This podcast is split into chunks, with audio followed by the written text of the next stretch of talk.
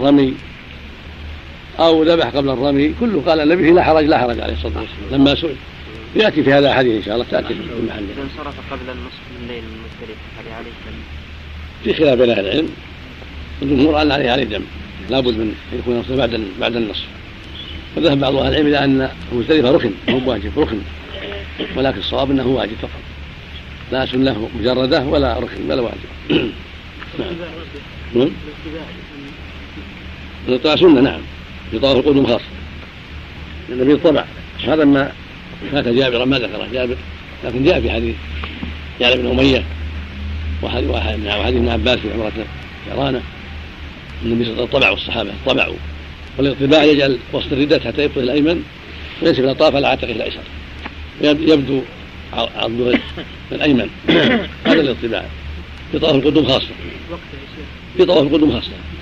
في جميع الأشواط السبعة أما الرمل في الثلاثة. الرمل في الثلاثة أما الاطباع في جميع السبعة لأن ما ما نقل عن النبي صلى الله عليه وسلم أنه أزال. نعم صلى الله نعم. نعم. لو انصرف من عرفة قبل غروب الشمس وعاد في آخر الليل إليها. هل يسقط عنه؟ يسقط عنه. الصحيح يسقط عنه. نعم. إذا عاد في الليل في أوله وفي آخره سقط. الله كتب إصبع في الحديث التكبير عند رؤية البيت.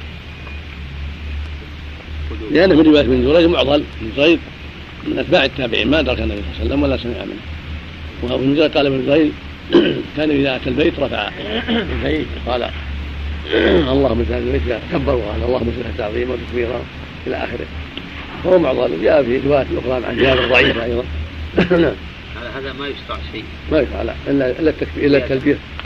التلبية حتى يستلم. يعني يدخل المسجد الحرام ما في زيادة. يأتي بالأذكار المشروعة ثم قد قد تعبنا في هذا كثيرا ما لم نجد شيئا. يعتمد عليه نعم. نعم. نعم. يرجع على الصحيح يرجع على الصحيح لكن ينبغي لا يفعله إلا الضعفاء الكبار والأقوياء ينبغي يؤجلوا إلى الضحى أما الضعفاء ينبغي فلا حرج فيه مثل ما رمت أم سلمة ورمت أسماء بنت ذكر وغيرهم. نعم. هذاك يوم النحر. هذاك يوم النحر. يعني يعني في آخر اليوم. سئل يوم النحر؟ قال إذا رميت قبل قال لا حرج يعني في آخر النهار. نعم. نعم. في بعد الزواج لأن السؤال في يوم النحر مو في غيره. السؤال في يوم النحر في آخر يوم النحر. نعم. ما ترمى النساء ما يرمون ولا يسعون نعم. يمشون مشي. نعم. الجمعة العمل كذا رفع يديه الدعاء نعم. خطيب الجمعة. ما ما بدعة ما يصلح. لا يرفع يديه. نعم. الرفع إنما هو في الاستسقاء فقط. نعم. لكن اذا استسقى نعم. اذا استسقى في نفسه يرفع يرفع رفع يديه سواء قبل الجمعة أو في غيره. استسقى يرفع يديه لكن في الخطبة العادية. والجمعة قد رأى بعض الصحابة بشر مروان يرفع فأنكر عليه ذلك. وقال ما كان النبي يرفع يديه في الجمعة عليه الصلاة والسلام. نعم. ذكر في الصعود والسفر أنه استقبل البيت واستقبل القبلة. البيت هو القبلة هو البيت والقبلة الكعبة هي البيت وهي القبلة نعم. على الصف والمرأة جميعا. كأنه كأنه البيت غيره لا هو هو. هو هو. نعم. هو القبلة وهو البيت. وهو الكعبة. نعم. نعم. بعض الناس يتأخر يعني يصير السيارات الزحام حتى يتصل الليل وما وصل مزدلفة يصلي في الطريق. لا لا لا يأخر إلى نصف الليل في وقت العشاء إلى نصف الليل. إذا زحم يصلي في الطريق المغرب والعشاء ولا ولا يأجلها إلى بعد نصف الليل. نعم. إذا صلى في عرفة المغرب والعشاء. إذا دعت الحاجة إلى ذلك إذا تعطلت سيارته أو شيء ما في بس أما إذا تعمد يكون خالف السنة. نعم. يجوز للمرأة أن تطوف لوحدها مع شدة الزحام. تطوف وحدها ما, ما يحتاج محرم لكن لا زحم يصير في أطراف الناس. يكون إذا كان مثلا يوم أيام حج فيكون في زحام شديد. ولو في ألف زحام تطوف. تطوف مع الناس لكن لا الزحم في أطراف الناس. يأتيها من خلفها ما يأتيها. ولو. عصر النبي صلى الله عليه وسلم أفضل العصور وطاف النساء مع الرجال. صلى عليه. ما لهم حيله إلا هكذا. وين يروحوا؟ ما لهم حيل. إلا إذا كان رابعها بيتأخرون تأخر. ما يخالف. لكن إذا كان رابعها بيسافروا وش يسوي؟ ماذا تعمل؟ لابد من الصبر. لكن تكون تكون في أطراف الناس. نعم. يا شيخ حسن الله نعم. المرأة إذا كانت في مناسك الحج ومثلا اضطرب الحيض وأخذت دواء يمنع ما في بأس. يمنع الحيض يعني حتى لا لا يقع. لا حرج ما في نعم. نعم. التلبية للحاج متى تنقطع قبل الجمرة؟ نعم إذا رمى جمرة العقبة انتهى. انتهى انتهى التكبير انتهى التلبية وشرع شرع له التكبير. نعم. طهارة لا بد منها. هذا الصحيح لا بد منها. عند الجمهور وهو الصواب لأن الطواف صلاة. إن الله باح فيه الكلام. والنبي توضأ لما أراد يطوف توضأ ودخل وطاف عليه الصلاة والسلام. ولا خذوا عني من شيء اللهم صل فالجمهور على أنه لا بد منها نعم. أحسن الله المقصود بعرمة. بطن الوادي فقط ولا ما على الأرض؟ معروف أن بطن الوادي في العرمة هذا السيد محل السيد. نعم. نعم. الذي يطلعون جبل الرحمة هو بدعة؟ ما لها صوت. الجبل, الجبل ما يصعد ما يتعبد بهذا. العبادة في نفس عرفة بطن عرفة. بس أما صعود الجبل ما لها ما لها صوت نعم. تسمية نعم. تسمية الجبل الرحمة هل لها أصل؟ والله ما أتذكر شيء نعم. بسم الله الرحمن الرحيم. الحمد لله رب العالمين والصلاة والسلام على نبينا محمد. في البحر البحر مرموز وعلى آله وصحبه أجمعين. قال رحمه الله تعالى وعن خزيمة بن ثابت رضي الله عنه أن النبي صلى الله عليه وسلم كان إذا فرغ من تلبيته في حج أو عمرة سأل الله رضوانه والجنة واستعاذ برحمته من النار. رواه الشافعي بإسناد ضعيف. وعن جابر رضي الله عنه قال قال رسول الله صلى الله عليه وسلم نحرت ها هنا ومنى كلها منحر فانحروا في رحالكم. ووقفت ها هنا وعرفة كلها موقف. ووقفت ها هنا وجمع كلها موقف. رواه مسلم. وعن عائشة رضي الله عنها أن النبي صلى الله عليه وسلم لما جاء إلى مكة دخلها من أعلاها وخرج من أسفلها متفق عليه. وعن ابن عمر رضي الله عنهما أنه كان لا يقدم مكة إلا بات بذي طوى حتى حتى يصبح ويغتسل ويذكر ذلك عن النبي صلى الله عليه وسلم متفق عليه. وعن ابن عباس رضي الله عنهما أنه كان يقبل الحجر الأسود ويسجد عليه. رواه الحاكم مرفوعا والبيهقي موقوفا. وعنه قال أمرهم النبي صلى الله عليه وسلم أن يرملوا ثلاثة أشواط ويمشوا أربعة ما بين الركنين متفق عليه. وعن ابن عمر رضي الله عنهما أنه كان إذا طاف بالبيت الطواف الأول خب ثلاثا ومشى أربعة. في رواية رأيت رسول الله صلى الله عليه وسلم إذا طاف في الحج أو العمرة أول ما يقدم فإنه يسعى ثلاثة أطواف بالبيت ويمشي أربعة متفق عليه. وعنه قال لم أرى رسول الله صلى الله عليه وسلم يستلم من البيت غير الركنين اليمانيين. رواه مسلم. بسم الله الرحمن الرحيم. اللهم صل وسلم على رسول الله وعلى آله وأصحابه. هذه الأحاديث الثمانية كلها تتعلق ما يتعلق كلها تتعلق بأحكام الحج.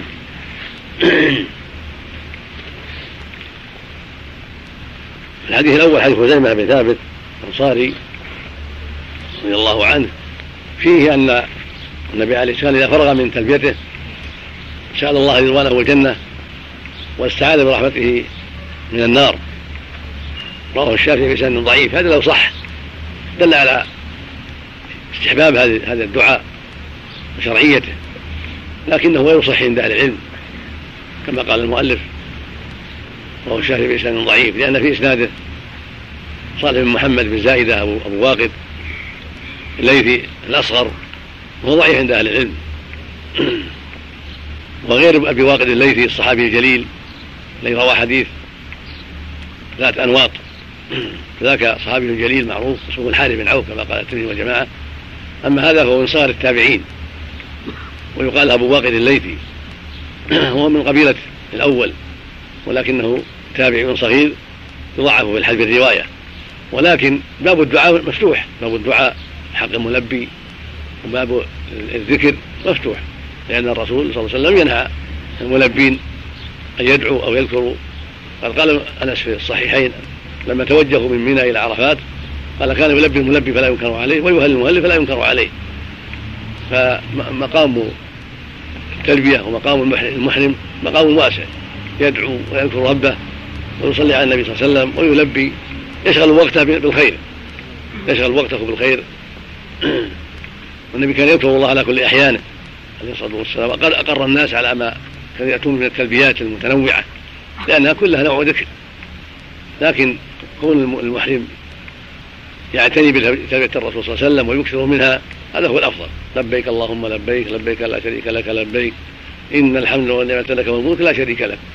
وإذا اشتغلت ببعض الدعاء أو بالصلاة على النبي صلى الله عليه وسلم أو بنوع بعض الأذكار فلا بأس في ذلك.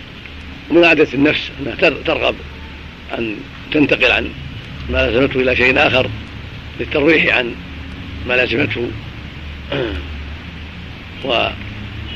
وتنويع ما يصدر منها من عمل وقول. ولكن كون المؤمن يلزم الأفضل ويحرص على الأفضل في القول والعمل هذا أولى. وإذا أتى بالأنواع الأخرى من قول وعمل لمزيد طلب الخير ولأسباب أخرى فلا بأس. حديث جابر يدل على أنه صلى الله عليه وسلم نحر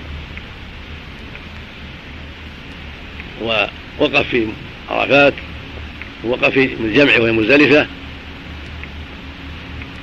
ليس لأن ذلك هو محل الوقوف فقط أو محل النحر فقط لا. بل شيء وقع له في إرشاد الله سبحانه وتعالى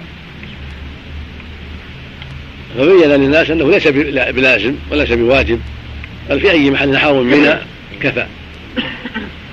وفي أي محل وقفوا في عرفات كفى. وفي أي محل, أي محل وقفوا في مزدلف كفى.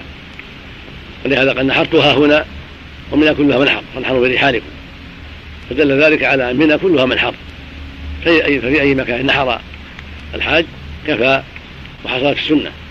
ودلت الأدلة الأخرى على أنه ليس بواجب النحر في منى بل متى نحر في مكة أو في بقية الحرم أجزأ ذلك. من ذلك ما جاء في حديث جبل مطعم.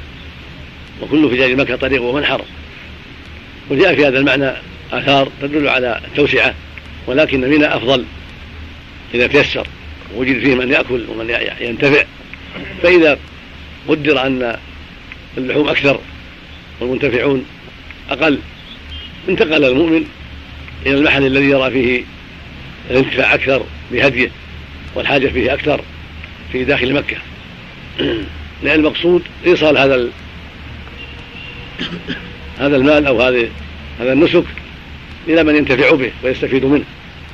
فإذا كان الموجودون في منن قليلين أو اللحوم أكثر منهم ونقل المهدي أو المضحي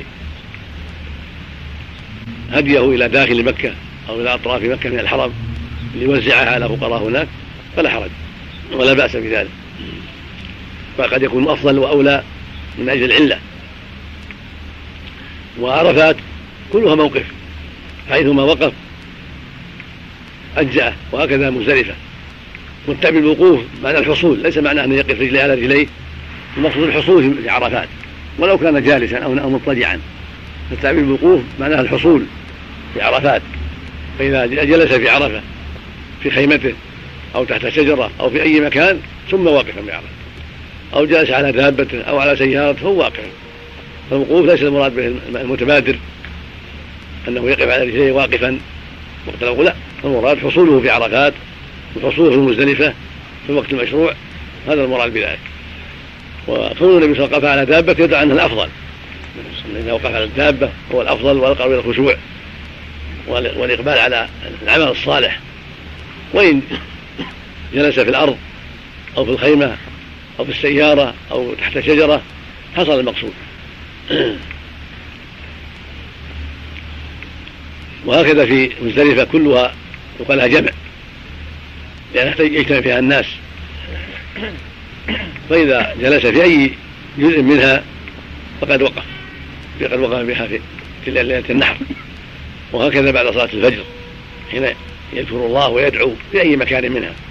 ولا يلزم الناس يتحولوا إلى موقف النبي صلى الله عليه وسلم ولا منحره لا بل في أي مكان حصل وقوفهم كفى والحمد لله. ثم هذا غير غير ممكن لأن الجامع أكثر من ذلك.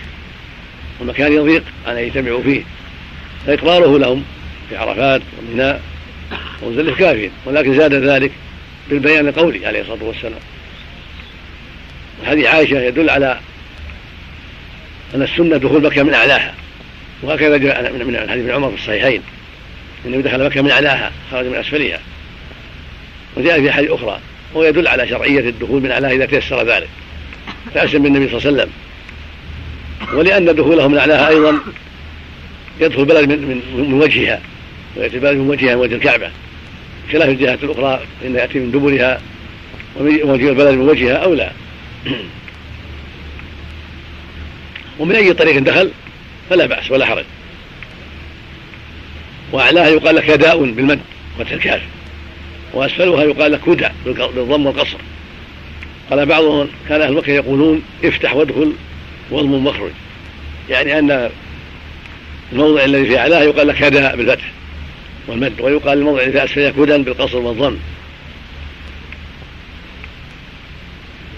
وعنده موضوع آخر معروف يقال لك هدي معروف هناك. هذا هو الأفضل وهو الذي بعد دخل معه النبي صلى الله عليه وسلم يوم الفتح. و وجاء صلى الله عليه وسلم انه قال يوم الفتح ادخلوها بحيث قال حسان. لأن قال حسان في هذا المعنى عدمتم بنيتي إن لم تروها يعني الخيل. تثير النقع مطلعها كداء أو قال موعدها كداء. فقال يدخلها من حيث قال حسان فدخل الناس يوم الفتح من أعلى مكة. وهكذا يوم الحج حجة الوداع دخل من أعلاها عليه الصلاة والسلام. الحديث الرابع حديث ابن عمر. النبي صلى الله عليه وسلم كان إذا دخل مكة نزل بذي طوى وبات بها. فإذا أصبح اغتسل ودخل مكة عليه الصلاة والسلام. كان يصبح بذي طوى وطوى مقصورة. وطاؤها مثلثة طوى وطوى وطوى بئر هناك في يرول مكة في أسفل مكة كان ينزل بها النبي صلى الله عليه وسلم ويقيم بها ليلة النزول ويغتسل ثم يدخل مكة. فالسنة لمن دخل مكة أن يستريح في مكان مكة ويغتسل ليحصل له النشاط والنظافة قبل أن يبدأ بالطواف. هذا هو الأفضل. ومن دخل رأسا ولم يغتسل ولم يبت في أعلى في مكة في أعلاها أو في أسفلها فلا حرج هذا عند أهل العلم مستحب فقط. فلو دخل رأسا من بلده حتى أتى المسجد الحرام كفى. وظاهر ما نقله جابر يقتضي ذلك. ولكن عمر مفصل والمفصل أعلم بما فصل. وفي حديث ابن عباس كذلك. ان ابن عباس قال دخل النبي صلى الله عليه وسلم في حج الوداع صبيحة رابعة من ذي الحجة. في صبيحة يوم الأحد. وقد يشير إلى ما بينه ابن عمر من كونه ينزل في في طوى ويغتسل عليه الصلاة والسلام. فالأمر في هذا واسع. أما حديث ابن عباس في أنه أمرهم أن يرملوا ثلاثا ويمشوا بين الركنين ويمشوا ويمشوا أربعة الأشواط فهذا في عمرة القضاء. هذا ذكره ابن عباس في عمرة القضاء كما رواه الشيخان. النبي صلى الله عليه وسلم لما قدم مكة عن عمرة القضاء قال للصحابة قال, قال الناس قال قريش انه إنه يقدم يقدم عليهم قوم قد وهنت حمى يثرب قد وهنتهم ان ضعفتهم حمى يثرب يعني حمى المدينة. وكانوا قد قد جلسوا من نيات قرعة قيعان جبل هناك من ميال الحجر. لينظروا النبي والصحابة حين يطوفون في عام سبع من الهجرة في عمرة القضاء. فأمره النبي أن يرموا الأشواط الثلاثة وأن يمشوا أربعة الأشواط وأن يمشوا بين الركنين. ولم يمنعهم يمنعهم من أمرهم بالرمل في الجميع إلا أن يبقوا عليهم لأن الرفق بهم الرفق بهم. فأمرهم عليه الصلاة والسلام بالرمل في الثلاثة ما عدا ما بين الركنين لأنهم يختفون بين الركنين يختفون عن قريش. وأراد بذلك الرفق بهم والعطف عليهم وإراحتهم. فلما رأوهم رأهم قريش يرملون قالها بعضهم من بعض هؤلاء قلتم إنهم أدوان الحمى إنهم لا من كذا وكذا كما رواه مسلم. في رواية أنهم قالوا إنهم لا أنشط أو لا أقوى من الغزلان أو كما قالوا. وهذا هو المراد المراد إظهار القوة والجلد أمام الكفار. وهذا احتج به العلماء على أن ينبغي لأهل الإسلام ولا سيما في مواقف الحرب ومواقف اللقاء بين الكفرة أن يتظاهروا بالقوة والنشاط وأن يحذروا ما يدل على الضعف مهما أمكن. إظهارا للقوة والنشاط ضد عدوهم حتى لا يطمع فيهم عدوهم وحتى يكون ذلك وهنا لعدوهم وسببا لتمكين المسلمين من مطالبهم. وإنصافهم في حقوقهم. وبكل حال فإظهار الجلد والقوة من جهة الأبدان ومن جهة السلاح كل هذا مطلوب لأن الله قال وأعدوا له صلاة من قوة قال حولوا حذركم فإظهار الجلد والقوة من أسباب النصر ومن أسباب الهيبة ومن إعداد القوة ومن أخذ الحذر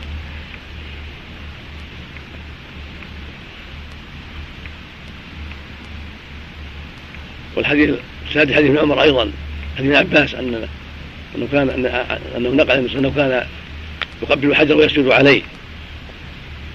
رواه الحاكم مرفوعا والبيهقي موقوفا. هذا حديث لا بأس بإسناده والمرفوع والموقوف يؤيد المرفوع لأن لا يقال من جهة الرأي ولا يفعل من جهة الرأي. قد روى مسلم الصحيح عن عمر رضي الله عنه أن قبل الحجر والتزمه وقال إني رأيت الرسول بك حفيا. هذا قد يؤيد ما ذكر هنا لكنه ليس بالصريح. والمحفوظ الأحاديث الصحيحة أنه كان يقبله ويستلمه عليه الصلاة والسلام. هذا هو المحفوظ الأحاديث الصحيحة المشهور. يقبلوه ويستلمه. أما والمعجبه عليه والأنف مع بالسجود فهذا من طريق ابن عباس. هذا قد جاء له طرق فلا بأس به. وهو سجود لله سجود وتعظيم لله عز وجل على هذا المكان. أما الأحاديث الصحيحة فليس فيها إلا الاستلام والتقبيل والتكبير. وهذا هو السنة المعروفة المعلومة. ومن فعل السجود فلا حرج. ولكن فعله فليكن قليلا ويستعمل الأكثر مما فعله النبي عليه الصلاة والسلام. حديث ابن عمر السابع والثامن يدلان على شرعية الرمل وهو الخبب. في الأشواط الثلاثة من الطواف أول ما يقدم كما تقدم. في حديث جابر. السنة الرمل في الأطواف الثلاثة أول ما يقدم مكة في العمرة والحج والمشي في الأربعة. وكان ابن عمر يفعله. إذا دخل مكة خب في الثلاثة الأول ومشى في الأربعة. وينقله عن النبي صلى الله عليه وسلم. هذا هو السنة. وكان أسباب ذلك مثل ما تقدم من زعم المشركين أن الصحابة قد وهنتهم الحمى وأنهم ضعفاء. فأمرهم النبي يرملوا حين اعتمروا عمرة القضاء ثم بقيت هذه السنة واستمرت وفعلها النبي صلى الله عليه وسلم في حجة الوداع إحياء لهذه السنة وتذكيرا بها هي سنة باقية وإن ذهب سببها لكن من باب إحياء السنن وإحياء ما يكون له ذكر بين المسلمين ينفعهم. فلما فعلها في حج الوداع دل على أنها سنة قارة ثابته وهكذا قوله نقر النبي يستلم من البيت الركنين اليمانيين يعرف هذا اشهر مع الألف التخفيف اليمانيين. وقال بعضهم بالتشديد ولكن أكثر على التخفيف إذا جاءت الألف. من حديث فتح اليمنيين بالتشديد. وهما الركن الأسود اللي فيه الحجر والركن اليماني. كان يستلمهما النبي صلى الله عليه وسلم في الحج والعمرة. يمسحهما بيده ويقبل الأسود ويكبر فيهما. ولم يستلم الركنين الشاميين. ويقال لهما العراقيين وهما ما يليان اللذان يليان الحجر. هذان لا يستلمان ولا يقبلان.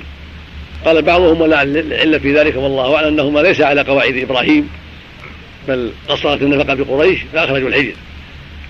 بخلاف الحجر الاسود الركن الذي فيه الحجر الأسود والركن اليماني فإنهما على قواعد إبراهيم. فلهذا استلمهم النبي صلى الله عليه وسلم. ولما كان في الركن في الاسود في الحجر اختص بسنتين. الاستلام والتقبيل. وأما اليماني فليس فيه إلا خاصة واحدة ويكون على قواعد إبراهيم فاختص بالاستلام. وأما التكبير فهو مشترك. إذا استلم هذا وهذا كبر. فنزيد في الاسود سنة ثالثة. وان يشار إليه بالتكبير ولو ولو بعد عنه الإنسان. يعني يشير ويكبر. بخلاف اليماني فإني لا فإني لا لا أحفظ أنه أشار إليه عليه الصلاة والسلام عند البعد. وإنما استلمه فقط. وقال بسم الله والله أكبر كما رواه الطبراني وجماعه فالحجر الأسود يقبل ويستلم و ويكبر عند استلامه ويشار إليه عند البعد ويكبر. أما اليماني فيستلم ويكبر فقط استلم ويكبر عند استلامه وإذا بعد عنه لم يشر له ولم يكبر لعدم النقل. وأما الشاميان ويقال العراقيان هذان لا يستلمان ولا يقبلان. لأنهما الأصل لأنه لم يفعله عليه الصلاة والسلام والحكمة في هذا والله أعلم أنهما ليس على قواعد إبراهيم. ويروى أن معاوية استلمهما ومعه, ابن عباس رواه مسلم. فقال له ابن عباس لم يستلم النبي صلى الله عليه وسلم. فقال ليس شيء من البيت محجورا فقال ابن عباس لقد كان لقد كان في الرسول أسوة حسنة. فقال صدقت.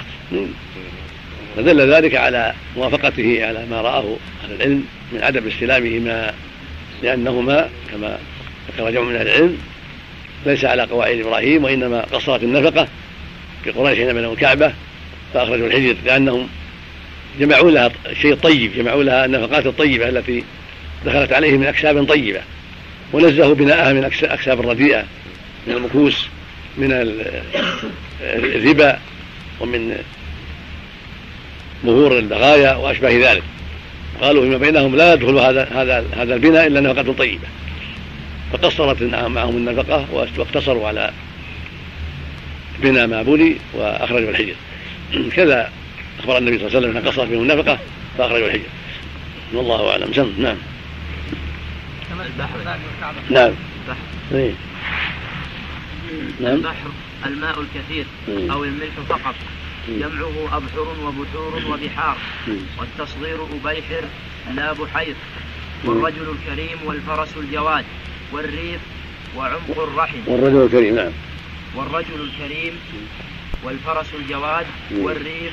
الريف. نعم. وعمق الرحم والبح والبحرة البلدة. والبحرة نعم. البحرة البلدة.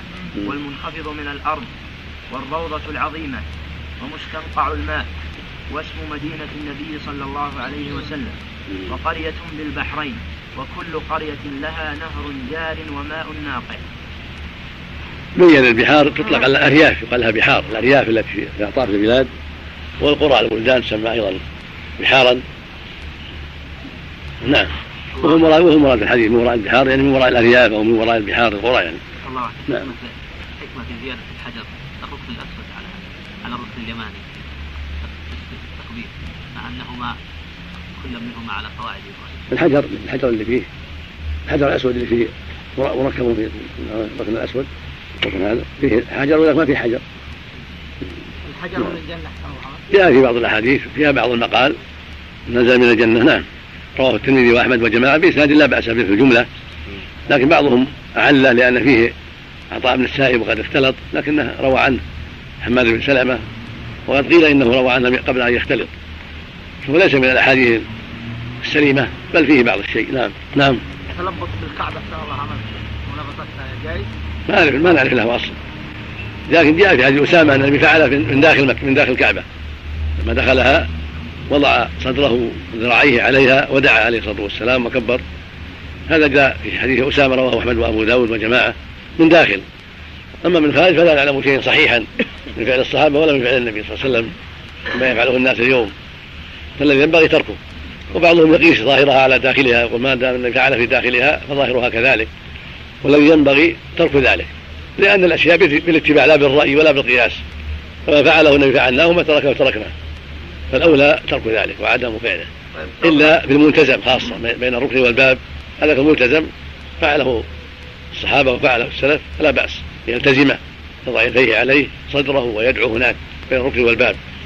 نعم. نعم. الثوب كذلك يتبركوا بعض الناس. هل جائز يقسموا بينهم. ما سمعنا في هذا شيء. والاولى عدم ذلك فهو ثوب جعل عليها للزينة والجمال. أما توزيعه للبركة فالذي يظهر أنه لا ينبغي. بل يترك ذلك أن الجهل قد يدعو إلى ما هو أكبر. الله أكبر. ما بين ثلاثة أشواط ويمشوا أربعا ما بين الركنين. ما أتى بأداة الاستثناء بعد كلمة ما ما نعم. بين الركنين. هو الأصل يقول ما عدا ما بين الركنين. الاختصار مخل. لا. الاختصار لا مخل. والمعنى أنه صلى الله عليه وسلم أمرهم أن يرملوا الثلاث الأول ما عدا ما بين الركنين ويمشوا أربعة الأخير. هكذا كما في في الصحيحين وكما في العمدة أحكام عبد الغني لأنه نقله كاملا. نعم. أما المؤلف هنا اختصر اختصارا مخلا نعم. من باب فرحة نعم. هذا هذه كلمة لها ثلاث لها ثلاث تصرفات. قدم إذا ورد إلى البلد وقدم من باب فرحة وإذا أراد التقدم على قومه فهو من باب نصر قدم يقدم مثل ما في قوله جل وعلا يقدم قومه يوم القيامة. يعني يتقدمهم قدمهم يقدم يقدمهم يعني يتقدمهم صار أمامهم. والنوع الثالث قدم بضم الدال يعني صار قديما. قدم هذا الشيء؟ ما نعرف ما نعرف له اصل لكن جاء في حديث أسامة أن النبي فعل من داخل من داخل الكعبة. لما دخلها وضع صدره ذراعيه عليها ودعا عليه الصلاة والسلام وكبر. هذا جاء في حديث أسامة رواه أحمد وأبو داود وجماعة من داخل. أما من خارج فلا نعلم شيئا صحيحا من فعل الصحابة ولا من فعل النبي صلى الله عليه وسلم ما يفعله الناس اليوم. فالذي ينبغي تركه. وبعضهم يقيس ظاهرها على داخلها يقول ما دام النبي فعل في داخلها فظاهرها كذلك. والذي ينبغي ترك ذلك لأن الأشياء بالاتباع لا بالرأي ولا بالقياس. فما فعله النبي فعلناه وما تركه تركناه فالأولى ترك ذلك وعدم فعله. إلا في الملتزم خاصة بين الركن والباب. هذا في الملتزم فعله الصحابة وفعله السلف فلا بأس. يلتزمه يضع يديه عليه صدره ويدعو هناك بين الركن والباب. نعم. نعم. الثوب كذلك يتبركوا بعض الناس. هل جائز يقسموا بينهم.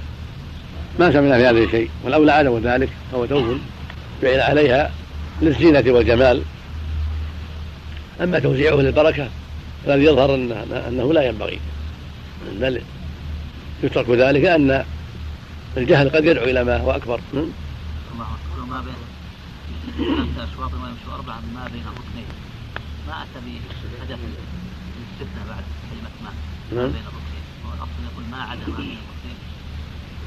الاختصار مخل لا الاختصار لا مخل والمعنى أنه صلى الله عليه وسلم أمرهم أن يرملوا في الثلاث الأول ما عدا ما بين الركنين ويمشوا أربعة الأخير. هكذا كما في في الصحيحين وكما في العمدة. في أحكام عبد الغني لأنه نقله كاملا نعم. أما المؤلف هنا اختصر اختصارا مخلا نعم. من باب فرحة نعم. هذا هذه كلمة لها ثلاث لها ثلاث تصرفات. قدم إذا ورد إلى البلد قدم من باب فرحة وإذا أراد التقدم على قومه فهو من باب نصر قدم يقدم. مثل ما في قوله جل وعلا يقدم قومه يوم القيامة. يعني يتقدمهم قدمهم يقدمهم. يعني يتقدمهم صار أمامهم. والنوع الثالث قدم بضم الدال يعني صار قديما. قدم هذا الشيء صار قديما.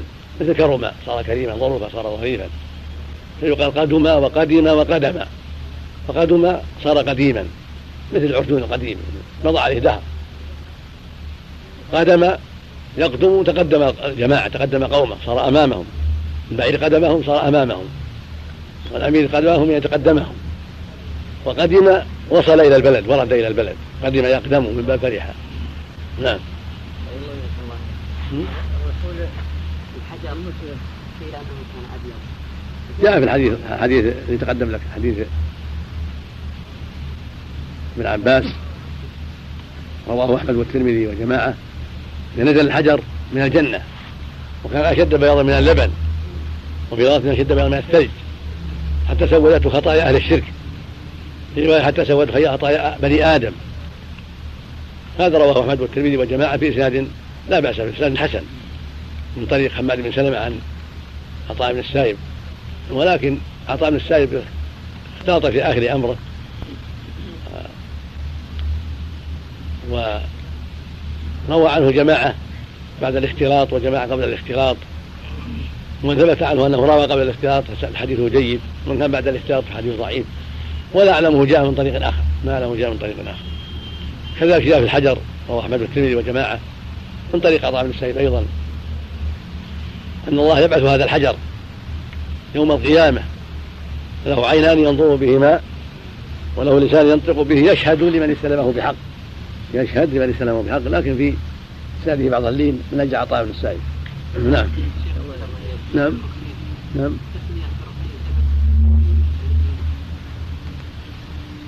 بسم الله.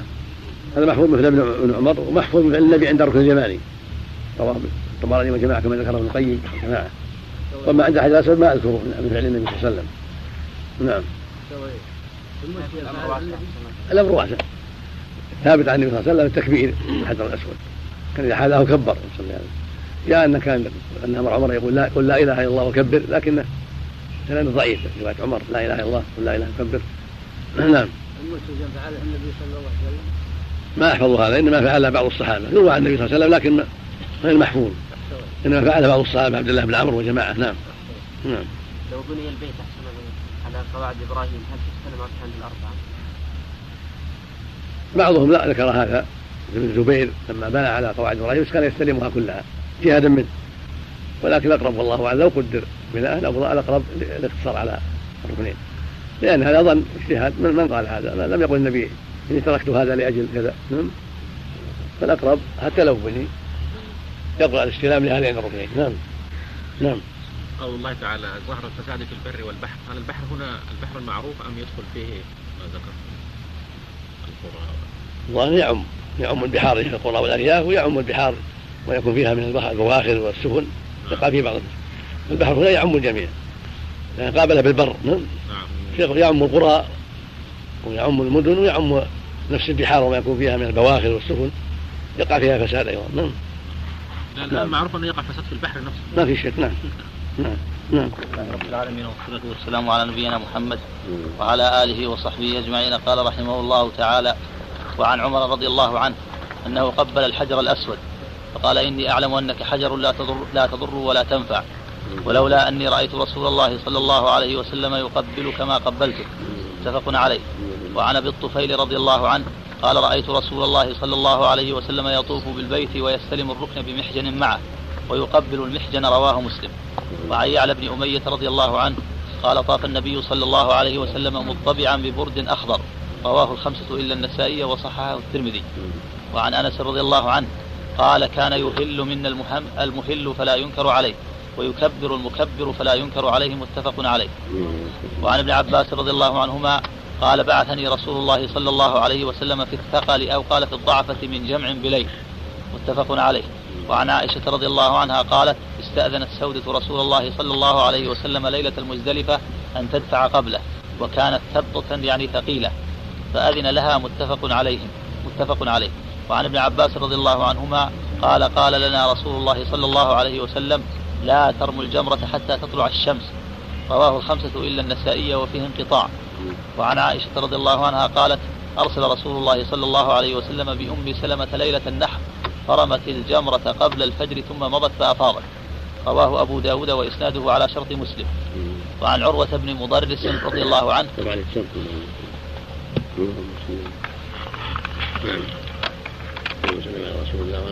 أما بعد هذه الحديث الثمانية كلها تتعلق بالحجر والانصراف من جمع بليل وبالرمي حديث عمر رضي الله عنه يدل على أن تقبيل الحجر ليس من أجل طلب شيء من الحجر طلب البركة من الحجر أو غير ذلك وإنما نقبله تأسيا برسول الله عليه الصلاة والسلام. ولهذا قال رضي الله عنه إني لا أعلم أنك حجر لا تضر ولا لا تضر ولا تنفع ولولا أني رأيت النبي يقبلك ما قبلته يشير إلى أن التقبيل والاستلام ليس عن عقيدة في الحجر وأنه يحصل به بركة لفاعله أو يمده بشيء كما تظن الجاهلية في أصنامها وأوثانها. فإن الجاهلية كانت لهم اعتقادات فاسدة في أصنامهم وأوثانهم. وأشجارهم التي يعبدونها فليطلب منها البركة فيعلقون على أشجارهم التي يعتقدون فيها السلاح. ويقول إنه بعد هذا يكون أمضى. إذا علق.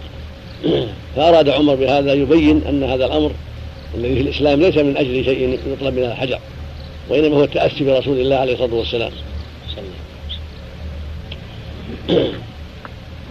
ليغرس ليغرس هذا الأمر في قلوب من يسمع. ومن ينقل إليه هذا الأمر وليعلموا أن الأمور كلها من الله وأنه المطلوب جل وعلا لإغاثة اللهفات وقضاء الحاجات والبركة في كل شيء فالبركة من الله. ولما قدم يوما للنبي صلى الله عليه وسلم الطعام قال كلوا والبركة من الله. صلى الله عليه وسلم. يروى أن علي رضي الله عنه قال عند ذلك لا يا أمير المؤمنين. إني سمعت النبي صلى الله عليه وسلم يقول يبعث يوم القيامة.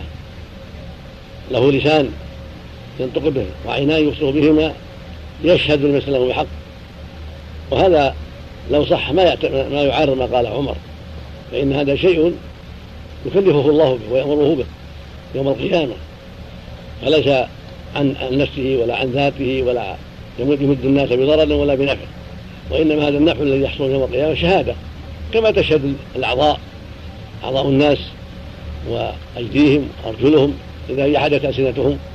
ختم الله على الألسنة الأفواه ونطقت الأرجل والأيدي والجلود بكل شيء.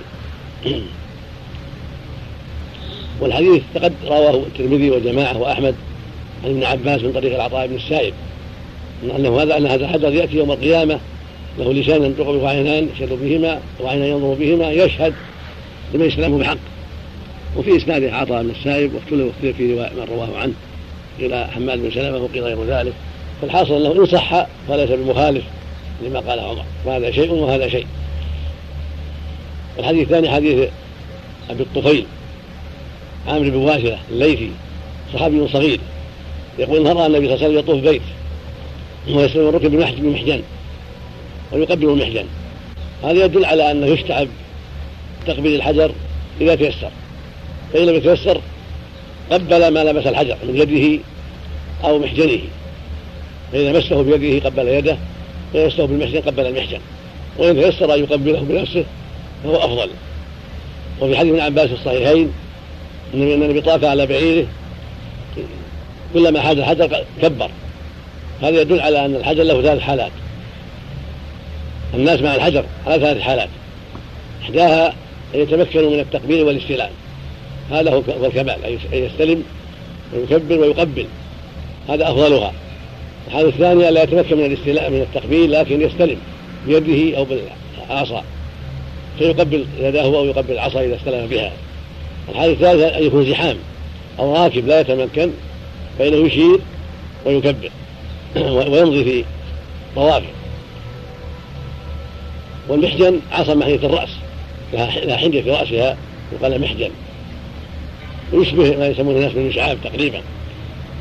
قصة صاحب المحجن معروفة وهو الذي كان يسبق الحديد. أخبر النبي صلى الله عليه وسلم رآه في النار يعاذ بمحجنه في خطبته يوم كسوف الشمس عليه الصلاة والسلام. قال رأيت صاحب المحجن يعذب في محجنه في النار في النار. وكان يسبق به الحديد. يرفعه يتناوط به بعض الأشياء الخفيفة التي يتمكن منها. إذا فطنوا له قال ما قصد ولا أردت هذا تعلق بمحجني من غير قصد مني. وإذا لم يحتنوا له ذهب. وعذب في النار بهذه السرقة التي وهذا النهب الذي فعله نسأل الله العافية. والحديث الثالث. شو بعده لمن؟ حديث على ابن أمية. ويقال ابن منية. أمية أبوه ومنية أمه. أنه رأى النبي صلى الله عليه وسلم طاف مطبعا بورد الأخضر. هكذا يدل على الاطباع في الطواف. وجاء هذا معنى من حديث ابن عباس أيضا بسند جيد أن النبي صلى الله عليه وسلم وأصحابه لما اعتمروا في يوم حنين في فتح مكة طبعوا وجعلوا أوساط الأرجحة تحت آباطهم اليمنى ونسفوا وطافها على عاتقهم اليسرى عواتقهم اليسرى. هذا هو السنة الاطباع في طواف القدوم. للحج أو العمرة. ولا بأس أن يكون أبيض أو غير أبيض سواء كان أبيض أو أسود أو أخضر أو غير ذلك. لكن بياض أفضل بياض أفضل. ودخل النبي صلى الله عليه وسلم يوم الفتح وعلى عمامة سوداء فدل ذلك على التوسعة في هذا الأمر. ولا حرج أن يلبس الرجل الأسود والأخضر والأحمر والأبيض كذلك في حجة في يوم الفتح بل في حجة الوداع وعلى حلة حمراء. هذا وثبت هذا في عدة أحاديث والمقصود أن أن أن اللباس يتوسع فيه في الألوان إلا أنه يحرم التشبه بالنساء أو بالرجال. يكون لباس لا بأس به أخضر أو أسود أو غير ذلك لكن يراعي عدم التشبه بالنساء في زيهن وعدم التشبه بالرجال بالكفار في زيهم وإذا كان اللباس لا ليس فيه تشبه بزي النساء ولا بزي الرجال فلا حرج. والاطباع يكون في جميع الطواف. بخلاف الرمل زي الكفار وزي النساء. زي النساء وزي الرجال. المرأة لا تكون لا زي الرجال والرجل لا يكون زي المرأة. والاطباع يكون في جميع الطوائف. أما الرمل فيكون في الأشواط الثلاثة فقط الأولى. في طواف القدوم خاصة. الاطباع والرمل في طواف القدوم خاصة. أما الطوافات الأخرى طواف الحج طواف الوداع وطواف التطوع ليس فيه لا رمل ولا فيه وليس فيه اطباع وإنما هاتان السنتان في طواف القدوم خاصة. والحديث الرابع حديث أنس. رضي الله عنه كان كان يهل من المهم يعني حين توجهوا إلى عرفات كما ذكره في رواية أخرى سأله أبو بكر الثقفي حين توجهتم إلى عرفات ماذا تقولون؟ قال كان يهل من المهم فلا ينكر عليه يعني يلبي من إهلال التلبية. ويكبر من المكبر فلا ينكر عليه. هذه يدعى التوسعة وقت التلبية في حق المحرم أن إن لبى فحسن وإن كبر فلا بأس. التلبية شعار المحرم فإذا خلطها بالتكبير والتسبيح والتهليل فلا بأس.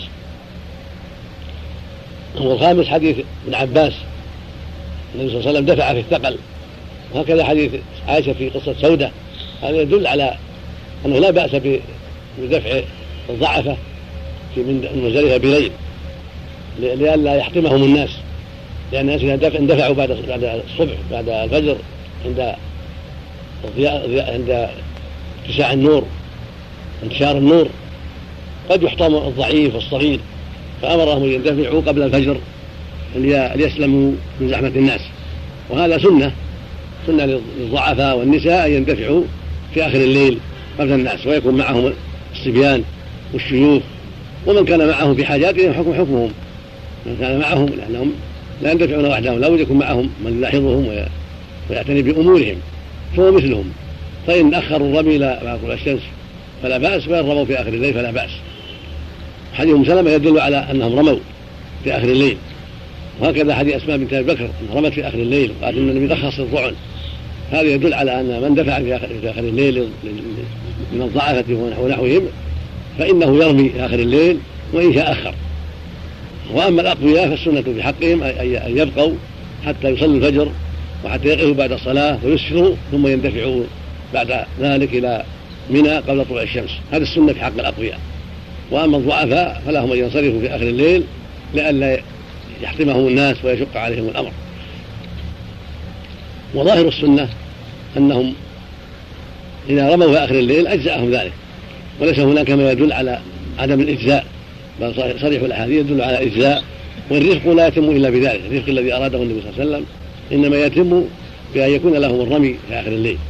وأما حديث عباس الذي ذكر فيه أن لا يرموا إلا بعد طلوع الشمس قال إن جاء إليه, جاء إليه غيمة بني المطلب بني عبد المطلب جعل يلطح أطفالهم ويقول لا ترموا حتى تطلع الشمس. هذا فيه في صحته نظر لأنه من رواية الحسن العرني عن ابن عباس وهو لم يسمع منه ولهذا قال المؤلف فيه انقطاع. وجاء في رواية أخرى فيها ضعف أنهم رموا عند ضوء الفجر. وهذا يخالف رواية الحسن العرني والصواب أن هذه الرواية فيها ضعف ولا يحتج بها. ولو صحت لكان هذا محمول على الأفضلية في حق من يستطيع. ومعلوم أن الصبيان ليسوا من يستطيع وعليهم خطر من زحم الناس. فالذي يظهر من أحاديث الإذن لهم في الاندفاع في آخر الليل عدم صحة هذه الرواية التي فيها نهيهم أن يرموا حتى تطلع الشمس. فإن هذا يخالف مقتضى الرفق بهم والحرص على سلامتهم قبل حضرة الناس. فإن الناس إذا اندفعوا قبل الشمس يصل أوائلهم بعد طلوع الشمس ويصادف رمي الصغار بعد طلوع الشمس فيخشى عليهم من ذلك. فالحاصل أن رواية لا تطمح حتى تطلع الشمس نظر في صحتها نظر والأظهر عدم صحتها لهذا الانقطاع الذي فيها. والروايات الأخرى تعارضها أنهم رموا رموا قال ابن عباس رمينا عند ضوء الفجر. هذا يخالف هذه الرواية. فالصواب أن أن أنه لا حرج عليه في الرمي قبل طلوع الشمس وفي آخر الليل. ومن رمى معهم من الأقوياء من صاحبهم فلا حرج عليه. والصواب أنه يجزئه لعدم الدليل على عدم الإجزاء. والله أعلم. سم نعم يقال نعم. يقال أن من معهم من الأقوياء الرخصة في أن يصطحبهم أما أن يرمي. كون كون النبي ما نبههم وقال لا ترموا يدل على الرخصة. والنبي سكت عنهم يدل على الرخصة أنها عامة كما عمته في الدفاع تعمهم في الرمي. ثم هذا المقام مقام عظيم لا ينبغي فيه التشديد لأنه مقام عظيم لا سيما في هذه السنين الأخيرة. نعم. عند كثرة الناس وتسهيل الطرق والمراكب. صار يحضر الموسم من الجهلة والجم الغفير ما لا يحصى. وبعضهم لا يبالي بالضعيف ولا ينظر في أحد. لا ينظر إلا في نفسه. يدفع الناس ويؤذي الناس ولا ينظر في شيء. كأنه ما هو مع عقله. نعم. نسأل الله العافية. من فعل شيئا مثلا؟ نعم. هو قوي واندفع من مزدلفة قبل نصف الليل جاهلا. هل يلزمه دم أو فعل؟ فيه خلاف فيه خلاف مشهور. عند مالك وجماعة لا دم. عند الجمهور عليه دم. وإذا ذبح الدم يكون أحوط الله لا يعني الجمهور المبيت لا بد منه. المرور لا يكفي. مالكية وجماعة قالوا يكفي المرور إذا مر وصلى فيها المغرب والعشاء. هذا فيه نظر. فيه ضعف. نعم, نعم. قول الفقهاء الآن بأنه يباح لكل أحد أن يدفع في آخر الليل ويرمي. وهذا أخذ أعم الرخصة يعني. والأولى ليس بشيء. الأولى أن الرخصة في حق الضعاف. هذا هو الأولى. هذا السنة. نعم. وتضيع الحكمة لأنه يكون زحام أيضا. كذلك. صدق. إذا اندفع هؤلاء وهؤلاء جاء الزحام أيضا. نعم. نعم. كيف يستلم الحجر ويقبله؟ نعم. كيف يستلم الحجر ويقبله؟ يعني الاستلام غير التقليد. هكذا الإسلام. تقول كذا وتستلم كذا. في شيء؟ بين الشيئين إيه هكذا. يمسحه ويقولها. يضع يفهم عليه. نعم. نعم. الله الرحمن الرحيم هاي هاي طرف قبلها يحط على فمها نعم. والصلاة والسلام على نبينا محمد وعلى آله وصحبه أجمعين. قال رحمه الله تعالى. ناران ثابتتان والله أعلم بتأويلهما إحداهما نار من عدن من حضرموت تسلق الناس إلى المحشر. وإحدى الثاني نار من المشرق تسلق من المغرب. والله أعلم. سبحانه كيف ذلك؟ نعم. الله نعم. تعرف من المغول أو الفتن يعني أصلا جت من الصين يعني جنكيز خان واشباه الشرق الأقصى هو معدن الفتن. والشرق الادنى هذا فيه شر من ربيعه ومربع أقل منها شر في الردة وغير ذلك. لكن أكثر الشر يعني من جهة الشرق الأقصى. يعني الصين وما حوله. الله أعلم. نعم وعن عروة بن مضرس رضي الله عنه. قال قدم رسول الله صلى الله قال قال رسول الله صلى الله عليه وسلم.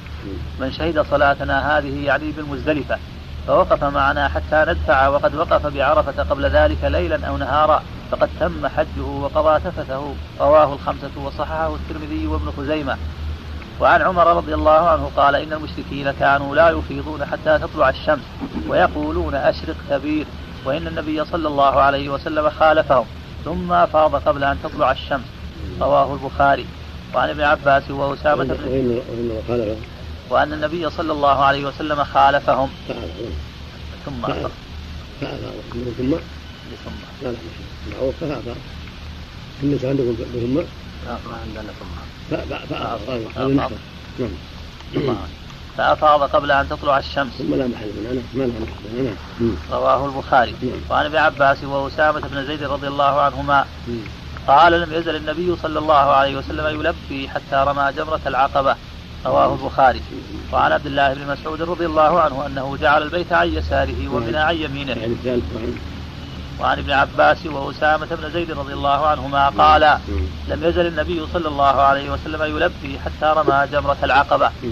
رواه البخاري. وعن عبد الله بن مسعود رضي الله عنه أنه جعل البيت عن يساره ومنى عن يمينه ورمى الجمرة بسبع حصيات. وقال هذا مقام الذي أنزلت عليه سورة البقرة. متفق عليه. وعن جابر رضي الله عنه قال رمى رسول الله صلى الله عليه وسلم الجمرة يوم النحر ضحى. وأما بعد ذلك فإذا زالت الشمس رواه مسلم. بسم الله الرحمن الرحيم الحمد لله وصلى الله وسلم على رسول الله وعلى آله وأصحابه. أما بعد هذه الأحاديث الخمسة تتعلق بعرفه وعظم شأنها ومزدلفه ثم ما يتعلق بالدفع من مزدلفة ثم ما يتعلق بالرمي. يقول عمر رضي الله عنه عن النبي صلى الله عليه وسلم أنه قال من شهد صلاتنا هذه يعني بمزدلفه وقف معنا حتى ندفع. وقد وقف وقد وقف بعرفة قبل ذلك ليلا والنهار فقد تم حجه. وقام تفذه هذا الحديث حديث جيد عظيم و... وأصله أن عروة جاء متاخرا. وآتى النبي صلى الله عليه وسلم وقال يا رسول اكلت راحلتي راحلتي واتعبت نفسي. والله ما تركت من جاء وقفت عليه فهل من حج؟ فأجابه النبي صلى الله عليه وسلم بهذا. وقال ما أدرك من شهد صلاتها يعني من مزدلفة صلاة الفجر. فوقف معنا حتى ندفع وقد بعرفه بعرفة قبل ليلا ونهارا فقد تم حجه وقد سفله هذا يبين لنا أن من أدرك عرفات ولو بليل فلا ذاك الحج. وأن حضور مزدلفة صلاة الفجر أمر مهم. وينبغي المؤمن أن لا يفوته. وإن كان حديث الضعفة وما جاء في معناه يدل على أنه ليس بواجب وأنه مستحب وأن من صاف في الليل من الضعفة وكبار السن والنساء فلا شيء عليهم. لكن يدل على تأكده في حق الأقوياء وأن ينبغي البقاء حتى يصلوا الفجر حتى يشاهدوا بعد صلاة الفجر بهذا الحديث الصحيح. وهذا من كمال الحج وتمامه. وأما عرفات ففرض الحج وركن الحج فلا بد منها.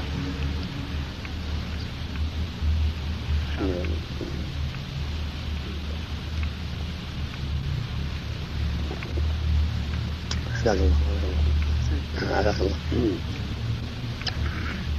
وصح عنه صلى الله عليه وسلم قال الحج عرفة. من ذكر عرفة بليل فقد أدرك الحج. قد أجمع المسلمون على أن الوقوف بعرفه لا بد منه من ليل أو نهار. وأن من لم يقف بعرفه لا ليلا ولا نهارا في يوم عرفة وفي ليلة النحر فلا حج له. فالوقوف بعرفه ركن بإجماع المسلمين. واختلفوا في مبدأه. فذهب الجمهور إلى أنه يبدأ من الزوال يوم عرفة إلى طلوع الفجر. هذا محل الوقوف عند الجمهور.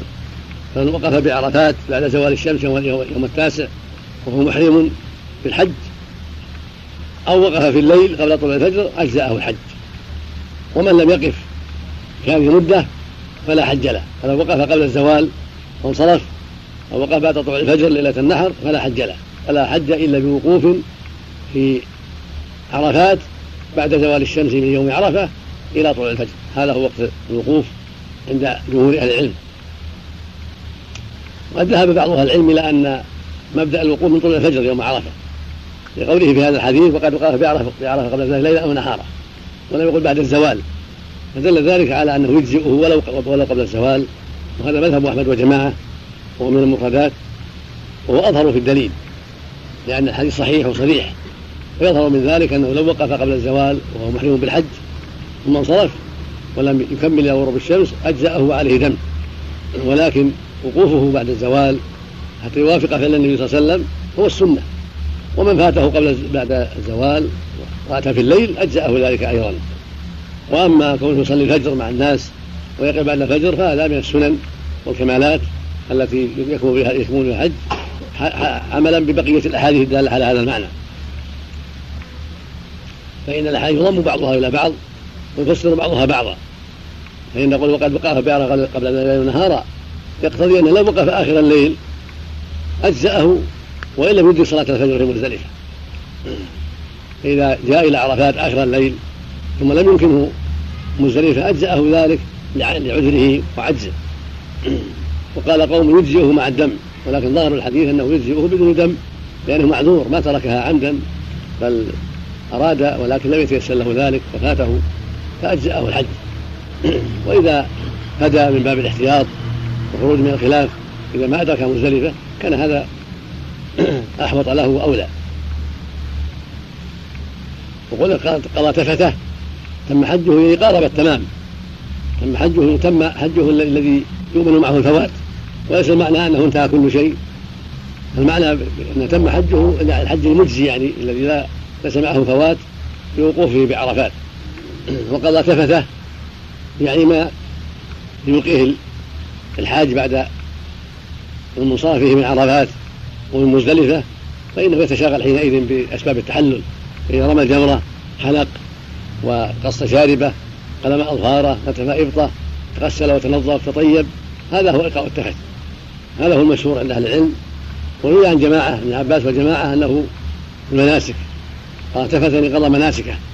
ولكن أول أشهر المراد بالتفت ما يحتاج الإنسان إلى طرحه عنه بعد الحج من الحلق ومن النظافة. من الأوساخ قص الشارب قلم الظهر نتف الإرض غير إلى غير هذا ما يحتاجه المحرم بعد تحلله. والخلاصة أنه إذا أدى, أدى وقف بعرفات وبمزدلفة فقد انتهى الأمور التي بها يتم الحج ولم يبق به عليه إلا إكمال المناسك من الرمي والطواف والسعي قد أمن الفوات حينئذ فبقي عليه أن يكمل. وقال بعضهم ما تم نقارب ولا حاجة إلى المقاربة المعنى تم حجه الذي يؤمن معه الفوات فيكمل بعد ذلك من طواف وسعي. أو تم حجه بفعله ما يجب عليه بعد ذلك قد تم حجه إذا أدى ما يجب عليه بعد ذلك. الحديث لا بد له من مراعاة الأحاديث الأخرى.